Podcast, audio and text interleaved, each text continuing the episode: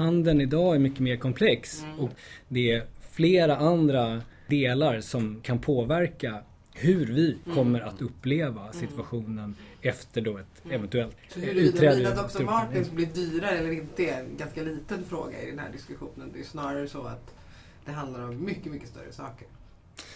Men man ska inte underskatta vikten av ett par Dr. Det Martens. absolut inte man ska.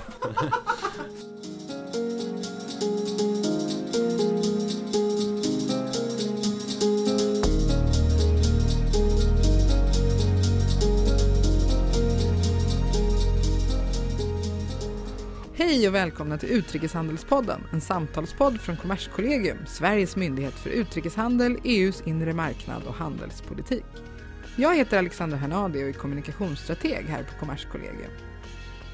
I den här poddserien vrider vi och vänder på de frågor vi arbetar med tillsammans med olika medarbetare här på kollegiet.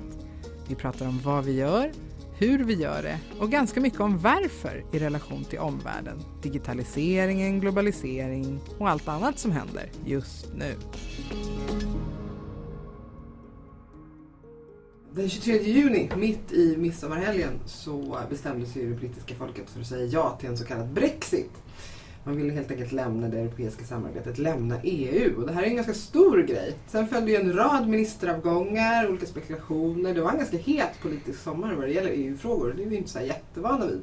Och jag tänkte att vi skulle prata lite idag om vad det här betyder för Sverige. Vilken betydelse det har för vår import och export. Vilka tänkbara scenarier det finns i. Och med mig för att prata om det har jag två kollegor här på Kommerskollegium. Olle Grünewald som är expert på utvecklingen av den internationella handeln. Välkommen! Tack så mycket. och sen har vi Erik Dahlberg som är expert på handel inom den inre marknaden, eller EU som vi vanligen brukar säga. Välkomna! Tack. Hur känns det att sitta här? Är det bra? Ja, det känns bra. Funkar? Mm. Känns jättebra tack. Ja. Jag tänkte, ska vi börja lite med att summera, Olle? Lite så här, om man tänker på, vad är det egentligen som har hänt som den där ödesdigra dagen i juni? Vi kan ju börja med att konstatera att resultatet av folkomröstningen kom ju som en chock. Ja. Det var väldigt få som trodde att det brittiska folket skulle rösta för ett Brexit. Alla trodde ju i stort sett att eh, man skulle välja att stanna kvar i EU. Ja. Så det här kom ju som en chock. För de flesta fick man ju känslan av, tycker jag, när det hände på något sätt. Ja, ingen som- absolut. ja. Och det var både för vadslagningsfirmor och andra. Mm. Eh, så kom det här som en chock. Och det vi ser nu är ju mer en stabilisering utav läget. Men om vi går tillbaka till Mm. juni och 23 och 24 juni Mm. så blev det ju en eh, hel del turbulens på marknaderna. Både på valutamarknaden och på börsen. Som båda reagerade negativt. Mm. Det brittiska pundet deprecierades mot Just de stora handelsvalutorna, framförallt mot dollarn. Man hade en nedgång på runt 13 procent och det här är alltså nivåer som, som liknar de vi såg på 80-talet. Ja. Eh, börsen reagerade ju också negativt man kan säga att det blev ett eh, yxhugg i, i börskurvan. Och med det menar jag att man reagerade väldigt kraftigt och eh, börsen eh, speglade den här osäkerheten Mm. som infann sig Mm. eh, efter folkomröstningsresultatet. Mm. Nu har det stabiliserat sig, både valutakurserna och eh, börsen. Så det är på något sätt att man vant sig vid, vid att eh, Det Det osäkra är- läget liksom. eller? Precis, man Ja. har vant sig vid realiteten att Ja. uh. britterna faktiskt eh, röstade för Ja. Brexit. Tittar vi på handelssiffrorna och handelsutvecklingen Mm. där så har det ju tyvärr inte kommit några siffror för, för handeln där vi kan försöka se någon typ av effekt. Mm. De siffrorna som kommer är från, för juni och eh, för Storbritanniens del så ser vi att det ser ganska bra ut för juni. Men då ska vi komma ihåg att det är faktiskt bara en vecka Ja. som vi har efter Ja. folkomröstningen med i den här statistiken. Mm. Det vi däremot kan konstatera det är ju att Storbritannien är väldigt beroende av EU. 50% av Storbritanniens export går till EU och 50% runda slängar av deras import kommer från EU. Mm. Så man har ju ett väldigt stort beroende för den inre marknaden. Mm. Så vi har inte kunnat sett någonting ännu i statistiken. Det vi däremot då kan konstatera är de här negativa spridningseffekterna Mm. där de olika marknaderna reagerade väldigt Mm. kraftigt på Mm. folkomröstningsresultatet. Mm. Men som sagt fortfarande så återstår frågetecknen. Vad innebär Brexit? Mm. Vad får det för konsekvenser? Mm. Så- Men om man pratar om, om den här folkomröstningen, vad innebär den egentligen? För än så länge så känns det ju inte som att den innebär någonting överhuvudtaget. Vad är liksom nästa steg? Ja, eh, folkomröstningen är ju rådgivande mm. så det är inget beslut som Storbritannien tagit utan det är folket som då har sagt att man vill lämna EU och det är då ett rådgivande resultat. Mm. Eh, sen handlar det om för Storbritannien att aktivera artikel 50 som Just det heter. Det. Ja. Eh, som behandlar då utträde ur Europeiska mm. unionen. Och det är ju en process i sig så att säga. Som man inte vet när, man, när de kommer att aktivera, visst är det så? Exakt. Nej, den är ju, det, det är ju inte helt klart egentligen hur det här ska gå till. Det står ju lite i den här artikel 50 hur det ska gå till. Men ja. det som är klart är ju att det är ju Storbritannien som så att säga ska anmäla sitt utträde, inte tvärtom. Det är de som har bollen. Ja, exakt. Det finns andra artiklar som säger att EU får slänga ut en medlem, ja. men då ska man begå riktigt allvarliga brott. Aha. Och det har, då, att, det att rösta för utträde är, är, inte så allvarligt. Men det är Storbritannien då som ska så att säga anmäla sin, sin intention om ja. att eh, det gör man till att övriga, lämna. Ja, ja om att lämna. Det gör man till övriga medlemsstater och därefter så, så börjar man då på något sätt förhandla ett utträdesavtal. Som, eh, men vi, vi får nog se lite hur det där mm. utvecklar sig. Det, den process som, som finns är, lämnar, det lämnar en hel del åt fantasin. Mm. Hur det här ska gå till och det finns nog rätt mycket spelrum mm. för. Ganska spännande tänker jag, om man är på ditt område. Ja, ja det är, borde vara spännande för alla. Liksom. Ja, ja, men absolut. Ja. Men nu, jag tänkte lite på det Erik. Det är ju, egentligen som jag sa inledningsvis så är det ju sällan som EU-frågor får den här typen av utrymme massmedialt. Det har ju mm. verkligen exploderat under sommaren. Mm. Eh, och även liksom, den svenska politiken är ju inte speciellt intresserad, i alla fall inte i liksom, offentlighetens ljus, så det är jättemycket av den inre marknaden. Det gör ju att man faktiskt börjar lite fundera på vad är det, om vi ska prata om liksom varför vi har en inre marknad, vad är det egentligen som den har liksom åstadkommit för Sveriges del? Om man ska generalisera lite grann. Eh, för Sveriges del så har den ju ökat vår handel med övriga EU-länder. Den har nog också, alltså handeln med icke-EU-länder har också ökat och det, hela handelsutvecklingen eh, i, över, hela, över hela världen har mm. eh, eh, handeln har ökat globalt ja. de senaste åren. Så det, det är nog ett, ett led i den utvecklingen att man inser att vi, det är bättre för alla om vi handlar mer med varandra och låter så att säga, varje land, varje företag syssla mm. med det de är bra på. Vi låter de företag som är effektiva mm. att eh, så att säga frodas och växa. Mm. Och då kommer eh, ineffektiva företag stänga ner och mm. folk, alltså anställda, att flytta från det ineffektiva till det mer effektiva. Mm. Eh, inre marknadens syfte är ju att, så att säga, underlätta den utvecklingen inom EU. Mm. Eh, och eh, och det, det, har den, eh, det har den gjort också. Mm. Det finns väldigt många ekonomer som har ställt sig den frågan och mm. försökt då räkna ut med olika metoder hur Hur effektivt det är eller? Ja, eller hur handeln ja. har handeln ja. verkligen ökat ja. som en effekt av inre marknaden. Vad kan man säga om det då? Ja men det är ett ganska klart konsensus ja. att det har den gjort. Ja. Eh, om, men det räcker inte bara att titta på hur mycket handeln har ökat. För det, den har ökat jättemycket under tiden inre marknaden har funnits. Ja. Men eh, det är som sagt en global utveckling. Då får man försöka med olika metoder att räkna bort så att säga Resten. andra faktorer. Men fortsatt så är ju konsensus att inre marknaden har ju bidragit till ökad handel. Och eh, det finns väl skäl att tro också att den även ökat till, lett till ökad personrörlighet. Mm. Mm. Men hörni, jag tänkte på, nu fastnar vi så här, att man vet inte vad som kommer att hända. Men jag tänkte ändå att vi skulle prata lite om vad det här skulle kunna få för konsekvenser. För det finns ju ändå diskussioner kring det. Eh, och vi har ju en rapport som ändå liksom presenterar vissa siffror kring jobb och sådär. Vad kan man säga Olle, liksom rent konkret? Som man inte riktigt vet. Men vad kan man säga om liksom, vad det kan få för konsekvenser här på sikt? Det är en jättebra fråga. Eh, jag har dock inget bra svar eftersom oh no. vi inte vet vad Brexit innebär. Det är det stora problemet. Ja. Vad innebär det? Vad är det för någonting som vi kommer se i slutändan? Ja. Vad är det för typ av avtal som, ja, som kommer råda mellan, mellan EU och Storbritannien? Och det här är det stora problemet. Men det vi kan göra det är att ta ett steg tillbaks och titta varför har vi den inre marknaden?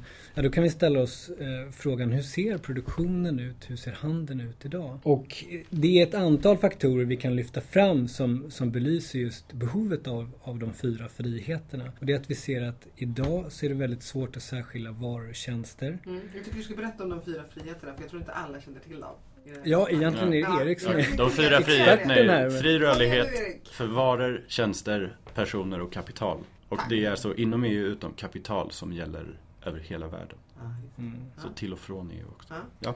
Nu får du fortsätta Ola. Ja, tack. Så det vi har sett det är en ökad tjänstifiering som vi kallar det. Det handlar om att man i varuproduktionen använder mer tjänster, man handlar mer med tjänster och att många gånger den vara som förs över gränsen som vi ser i handelsstatistiken, Mm. den har också en kompletterande tjänst och att man säljer tjänster. Inslag av konsulttjänster till exempel. Eller? Konsulttjänster, försäkringar, Ja. det är reparationer, det är specialskräddarsydda lösningar för just den här varan. Om det är en såg eller vad det nu kan Lite tänkas datalösningar och digitala Mm. lösningar i varje produkt också. Absolut, självklart. Det här är ju helt enkelt en värld som vi befinner oss i idag. Eh, Mm. där vi har dels den här ökade tjänsteandelen eh, i, i varuproduktion men också att tjänsterna ökar så pass mycket. Mm. Och det här ställer ju då krav på flexibilitet och smidighet i systemet. Mm. Och till det kan vi också lägga att man idag pratar om handel i vad vi kallar för globala värdekedjor. Det Mm. vill säga en vara eller en tjänst.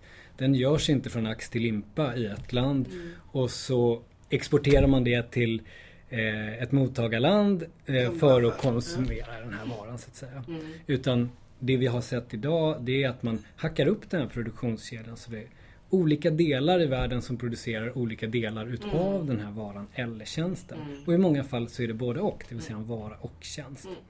Och det här ställer ju då krav på att det ska finnas en flexibilitet och finnas en smidighet i systemet. Mm. Och därför så är de fyra friheterna så otroligt viktiga. Mm. Att vi har eh, fri rörlighet för varor, tjänster, kapital och även för personer. Mm. Och personer var ju också det som var det heta samtalsämnet Mm. i Brexit-debatten. Ja, ja, absolut. Man kan väl också säga, alltså med, med just hur de här fyra friheterna har utvecklats, för det är ju sedan 50-talet som, som EG, när det. EG liksom grundades, eh, så hade man ju alla de här fyra friheterna med, men det är ganska tydligt att man historiskt fokuserade på varuhandeln. Mm. Och det är mot slutet av 80-talet som man insåg att eh, vi måste ju anpassa oss, anpassa oss till hur verkligheten utvecklar sig. Mm. Och då började man också se till att nu, nu ska även de fria rörligheterna för tjänster, kapital och personer också Mm. ta nästa steg så att det faktiskt Mm. blir den här flexibiliteten som Olle pratar om. Mm.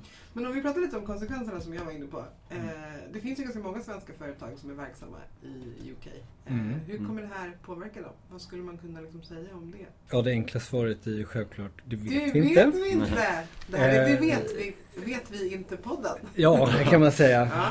Men det vi däremot eh, kan säga det är ju att ja, vi har svenska företag eh, som är aktiva på den eh, brittiska marknaden. Vi har Mm. väldigt många svenska företag som handlar med Storbritannien, både exporterar och importerar från Mm. Storbritannien. Så eh, tittar vi på utvecklingen och vad det kan bli för typ av konsekvenser så det är inte bara avtalet som EU kommer sluta med Mm. med Storbritannien som kommer påverka oss. En stor del utav handeln som både Sverige och Storbritannien har med varandra men även EU och Storbritannien Mm. och EU och Storbritannien och till resten av världen Mm. handlar om handel med insatsvaror och insatstjänster. Det är alltså inte konsumtionsvaror utan det här är varor och tjänster som man handlar för att den, de fort, så att säga, fortsatt ska ingå i produktionsprocessen. Mm. En del av de här globala värdekedjorna. Mm, det. Så det handlar inte bara om alltså de, det avtalet som, som eh, EU kommer att, att sluta med Storbritannien utan Mm. även eh, vilken typ av avtal som Storbritannien kan sluta och vad det innehåller Mm. eh, med tredje land, det vill säga med andra länder som EU idag har avtal med som kommer att påverka Mm. den svenska handeln, handelsomfördelande effekter etc. Mm. Så det är mer komplext än att bara säga Tittar vi på ett potentiellt scenario där vi har följande innehåll så kommer det påverka Sverige så här Mm. eller kommer det påverka EU så här. Mm. Den handeln idag är mycket mer komplex Mm. och global vilket gör att det är flera andra eh, delar som, som kan påverka hur vi Mm. kommer att uppleva situationen efter då ett Mm. eventuellt stor, Mm. stor eh, Så huruvida ur Dr. Martens blir dyrare eller inte är en ganska liten fråga i den här diskussionen. Det är snarare så att det handlar om mycket, mycket större saker. För där är ändå Men man ska inte underskatta vikten av ett par Dr. Martens. Nej, det tycker jag absolut inte man ska.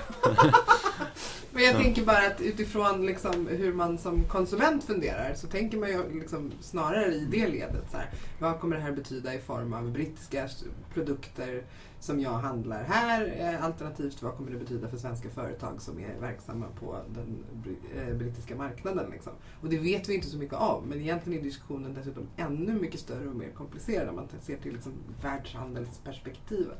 Mm. Mm. Nej, och innan, innan man, det börjar utkristallisera sig lite vad Mm. för typ av ja, förhållanden man kommer ha i framtiden och vad det innebär. Man ser hur kommer då man hantera den fria rörlighet för personer Ja. som man har Ja, idag. Och så precis. säger man det här vill, vi, det här vill ju Storbritannien eh, göra någonting åt. De vill ju helt enkelt minska invandringen. Ja.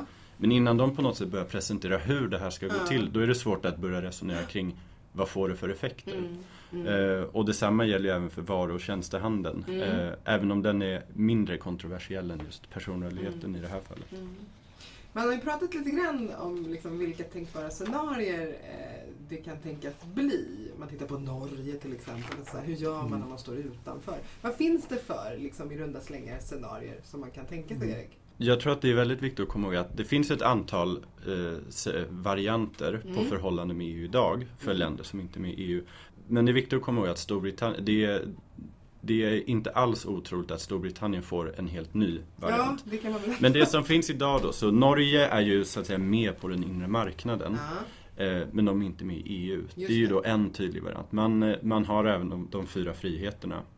eh, Och den fria rörligheten för personer. Så det är många i, i Storbritannien som, som har diskuterat det. Så vore inte det en variant då? Men då, då, då just måste man vara med på den inre marknaden. Mm. Det är de fyra friheterna. Mm. Man bidrar ändå ga, också ganska mycket till EUs budget. Som Mm. ju så att säga var den andra stora käpphästen Just det. eh, rent konkret för, för Brexit-sidan. Sen finns det ju andra varianter där man har ett eh, mer eller mindre djupgående frihandelsavtal. Mm. Man brukar benämna det som Schweiz och Kanada-varianten. Men det finns ju Mm. fler länder som har Mm. frihandelsavtal med EU. Men då är man liksom inte med på den inre marknaden. Men man kan eh, kanske handla tullfritt Mm. och man kan dela ett antal regelsamarbeten. Man sluter avtal som ändå påminner om det som redan har funnits. Ja, ja. Precis. Och, och speciellt för Storbritannien som har varit med så länge redan. Mm. Då är det ju snarare liksom hur mycket ska vi så att säga, skala av från det vi har. Ja. Jämfört med andra länder där det är så här hur mycket ska vi närma oss? Så det är, man går liksom andra riktningen. Om man inte sluter avtal så är det väl rimligt att tro att man handl, handlar på WTO, WTO-villkor. Eh, Det finns ju vissa frågetecken där hur liksom Storbritanniens ställning är i WTO egentligen. Mm. För de har gått med i den som EU-medlem. Mm. Det, Men vi då kan väl ändå inte- anta att de, liksom, där har vi någon form av basscenario. Även om det finns risk att det under några år kanske blir riktigt Mm. kaotiskt om det, om det vill sig riktigt illa. Men vad skulle det innebära om man i sådant fall går den vägen? Det tror jag Olle är bättre att svara på. Ja. Det finns ju en del organisationer som har gjort skattningar på Mm. vad skulle de här olika scenarierna innebära Mm. för Storbritannien. Och eh, alla typer av scenarier som vi kan måla upp kommer enligt de här beräkningarna innebära negativa effekter för Storbritannien, även negativa för EU. Eh, så det bästa scenariot är ju självklart att Storbritannien stannar i EU. Mm. Men eh, givet att de då Utifrån det här perspektivet. Utifrån det här perspektivet. Mm. Och eh, givet att de kommer att eh, lämna och vi tittar på, på de olika scenarierna så ett frihandelsavtal skulle ge, ge lägre negativa, alltså mindre negativa effekter. Det sämsta scenariot utav dessa är ju ett WTO-scenario Mm. som, som Erik pratade om. Mm. Där man kommer få effekter på upp mot 7% lägre BNP. Mhm. Eh, och det är såklart att det här är ju någonting som eh, är allvarligt och kan få konsekvenser för, för eh, länder som Sverige som Mm. handlar mycket med EU. Mm. Eh, och man ska ju också komma ihåg att EU beroende av Storbritannien i sin handel men Storbritannien är egentligen än mer Mm. beroende utav EU Mm. för sin handel. Mm. Ja, Storbritannien har ju lite på något sätt nu kapat, eh, eller kommer sannolikt eh, försämra sin handelsrelation med Mm. 27 handelspartners. Mm. För övriga EU så är det en, visserligen stor och viktig. Nej, Storbritannien är ju väl, är, är det EUs näst största land tror jag. Ja. Eh, mätt i, i ekonomisk storlek. Eh, Så det är ju absolut allvarligt för EU. Men Storbritannien har ju som sagt eh, Mm. eh, försämrat sin handelsrelation till 27 länder, eller kommer sannolikt Mm. göra det. Om de inte stannar på inre marknaden. Mm. Men vi ska också komma ihåg att vi pratar om olika scenarier och olika typer Mm. av, av avtal i det här fallet. Eh, det tar väldigt lång tid att förhandla fram Mm. den här typen av avtal. Om vi bara tittar i backspegeln Ja. så kan vi se att det avtal som EU har med Schweiz som nämndes som ett av Ja. alternativen. Det tog tio år Oj. att förhandla fram det. Ja. Kanadaavtalet som fortfarande inte är då rott i hamn, det har pågått i fem år. Ja. Så det här är alltså ingen eh, snabb process vi pratar om. Eh, Mm. Utan det kan dra ut på tiden det här och Mm. i och med att det drar ut på tiden så får ju det konsekvenser för den, den eh, prognos man kan göra. Mm. Hur kommer det att se ut om ett, två, fem år? Mm. Eh, vad är förutsägbarheten? Och den blir sämre och Mm. i och med att den blir sämre så blir osäkerheten större. Och det riskerar ju då att få, få effekter på handeln, Mm. det riskerar att få effekter på arbetsmarknaden och Mm. även på, på BNP. Och jag tänker också på liksom den här dominoeffekten som det har pratats om ganska mycket i sommar. Frexit, alltså att andra länder också skulle få för sig att lämna EU. Mm. Hur, alltså, vad, vad kan man säga om det? Den diskussionen pågår ju lite grann. Det är Frankrike, vad är det mer? Eh, länder? Nederländerna Ja. finns väl Mm. eh. Det, de flesta EU-länder har väl i och för sig partier som, som Absolut, växer. men jag tänker att det finns ju en eh, skillnad mellan att diskussionen är liksom alive and kicking och att den kanske Mm. inte är så jättestor. Ja, nej, alltså framtiden får utvisa vad som händer i Frankrike, Ja. Tyskland, Ja. Nederländerna. Men, eh, men Storbritannien är ju det land som konsekvent haft en ganska eh, avog inställning Ja. till EU. Eh, Det har ju inte de här länderna Nej. haft. Så det vore ju... I det avseendet var det väl liksom om något land skulle lämna kändes det ju ganska eh, rimligt att det är just Storbritannien som eh, från början inte tyckte särskilt mycket om EG Nej. och eh, som konsekvent under tiden inte haft särskilt hög, eh, högt förtroende för EU Ja. jämfört med liksom kärnländerna som, Ja. som varit med. Men sagt, det återstår att se vad som händer i Frankrike. Jag, jag vet Ja. inte vad mer vi kan säga om det. Nej. Men Olle, om man tittar lite tillbaka. Eh, vi pratade om det lite kort inledningsvis. Men, men vad har egentligen Storbritannien betytt för Sveriges utrikeshandel? Ja, för det första kan vi konstatera att eh, Storbritannien det är Sveriges viktigaste allierade Mm. i handelsfrågor i EU. Så att Storbritannien, eh, ett Storbritannien som då lämnar EU Mm. är såklart en, en eh, saknad som Mm. man från svenskt håll kommer uppleva. Mm. Eh, det är också det andra viktigaste leverantörslandet av tjänster till Sverige. Eh, det är det tredje största, eh, den största exportmarknaden för svensk tjänsteexport. Så de är två och tre när det kommer till vår tjänstehandel. Mm. Det är den fjärde största exportmarknaden för, för varor. Och det femte viktigaste leverantörslandet av varor till, till Sverige. Så vi pratar alltså om 2, 3, 4, 5 här när det kommer till tjänstehandel och varuhandel. Man, man kan väl lägga till också apropå just eh, med varu och tjänstehandel så kan det ju bli så att man sluter ett avtal där den handeln eh, kan pågå ganska friktionsfritt. Eh, Det är inte helt uteslutet att det kan fortsätta som idag. Men lämnar de EU så kommer de ju inte sitta och rösta. Så det, Mm. att det är vår viktigaste allierade, det, lämnar de EU så kommer vi så att säga förlora den biten. Det, Mm. det finns väl inget sätt att liksom det kan leva kvar Nej. om de lämnar EU. Mm. Vi tappar en Mm. kompis, det är det du säger. Ja, En en, allierad. ja exakt. Jag tänker lite så här att vi skulle prata lite om vad som händer nu. Vi har varit inne lite på det och det vet man inte så mycket. Men hur följer vi det här från Kommerskollegiums sida? Ja, för det första så följer vi ju självklart vad som händer på den politiska arenan och scenen. Mm. Till det så lägger vi ju självklart till då hur handelsutvecklingen ser ut. Mm. Det vill säga vad vi kan se från handelsstatistiken. Mm. Sen försöker vi även titta på de här länkarna som jag pratade om tidigare i, Mm. i vad som kallas för globala värdekedjor. Inom Europa så är det ju europeiska värdekedjor vi ser. Det är ju den stora merparten utav handeln. Mm. Eh, och Storbritannien är en nyckelspelare där. Mm. Tittar vi på vad, vad Sverige eh, exporterar för någonting som britterna använder i sin export Ja.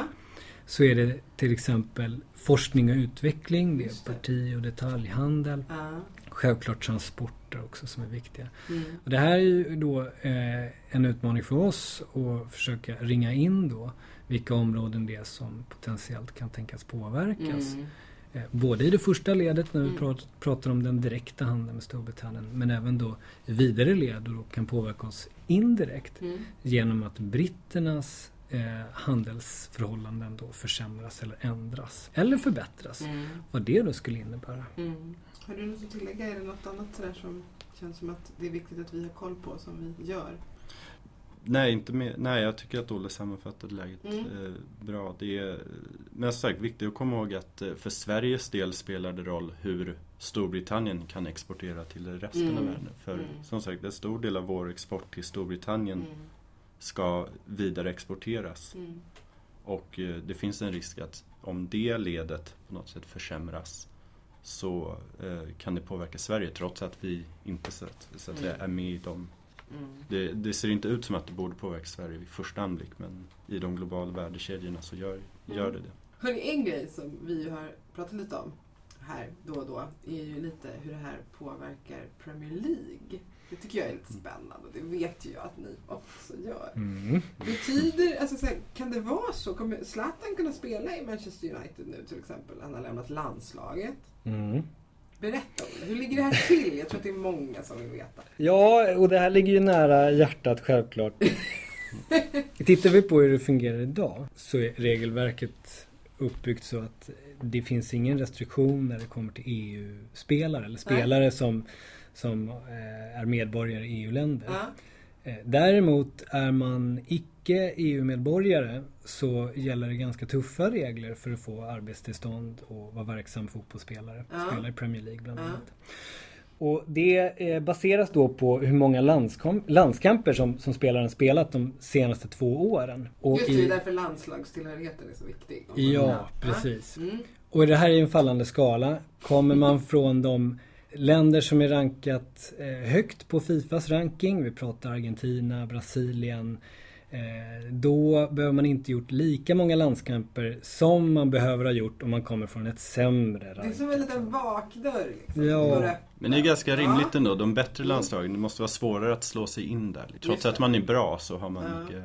Mm. Jag antar att det är så det är tänkt att systemet ska fungera. Och Sverige har ju halkat ner på rankingen. Vi stoltserar. Jag skulle bara vilja säga att nu pratar vi om herrfotboll.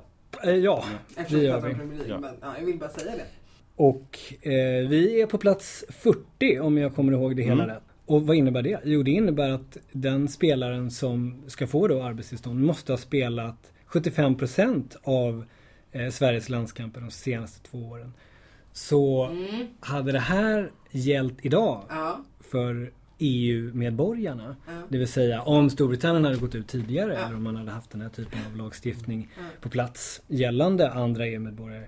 Ja, då eh, hade ju inte Zlatan haft några problem att spela idag eftersom summerar vi de två senaste åren så har han ju gjort Mm. då Mm. eh, antalet landskamper som krävs. Men däremot finns det ju andra spelare. Och då har vi ju till exempel en målvakt, Kristoffer Nordfeldt. exakt, som skrev ett fyraårsavtal med Swansea. Mhm. Mm. Mm. Och... Eh, eh, Eller jag menar, ja, du vet ju. Nej. ja, självklart. Ja. Men är, är ju inte första målvakt i svenska landskla- Nej. landslaget. Ja. Och då inte gör de här 75 procenten utav Ah. landskamperna. Så där kan det ju uppkomma problem. Lite av ett Ja. frågetecken framöver här kanske. Men vi pratade ju om en lång period av osäkerhet så det kanske gynnar. Sen finns det andra osäkerheter också. Vi Ja. har ju, vi har ju Som bland till annat en eminent målvakt i, i Allmänna idrottsklubben som heter Patrik Karlgren. Som kanske kommer ta eh, Rim- Rimligen bör ta första Rimligen första bör ta- ja, det-. Och är nu bättre har det här övergått till en fotbollspodd. Exakt.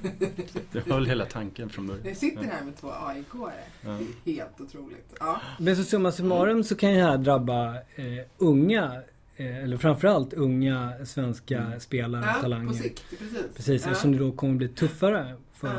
Om nu inte Sverige skulle gå som en raket i rankingen och upp till plats 1 till 10. Mm. Ja, det. är självklart. Ja, man vet men-. Janne We Trust. ja, vi, vi, Janne, det här är viktigt. Ja, just det. Det är det här du måste tänka Ja. på. Ja. Nej men det finns ju några spelare som var väldigt tongivande förra säsongen. Eh, Mm. Kanté i Leicester som, som vann Premier League. Mm. Eh, han hade ju nog inte fått spel i Premier League heller. Han är fransk medborgare. Exakt, han är fransk medborgare. Ehm, han hade inte fått spela, för han hade inte spelat tillräckligt många landskamper. Eh, men sen återstår det att se om de här reglerna ändras. Kanske Ja. väljer engelska fotbollsförbundet att ha kvar nuvarande regler eller kanske lätta på kraven. Man kan kanske Ja. tänka sig så. Ja. Det som däremot har varit nu är att det hade nog varit olagligt som EU-medlem att göra skillnad på britter och EU-medborgare. Mm. Övriga EU-medborgare. Just Det är ju lite det som är en väldigt central del Ja, i knäckfråga. den fria rörligheten för personer. Ja, Eh, just att man inte får göra den åtskillnaden. inom- Eh, om de lämnar EU och förhandlar till sig någon form av eh, ny, nytt förhållande när det gäller just personrörlighet så, så finns det ju en chans för Storbritannien, eh, eller risk om man så säger, att så att säga göra den distinktionen Ja. eh, som man inte kan göra idag. Mm. Vi får väl se. Som den fotbollsnation de är, är det ju möjligt att det blir så. Ja, Hörni, det här har varit ett jätteroligt samtal. Eh, Jag är glad att vi pratade om viktiga saker och viktiga saker och att vi avslutade med vad det här egentligen betyder för fotbollen. Det känns som en rimlig avslutning. Tack för att ni var med. Tack så mycket.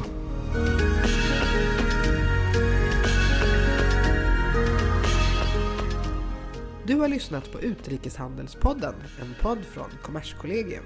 Följ oss gärna på Twitter, där heter vi Kommerskoll. Eller läs mer om vår verksamhet på kommers.se.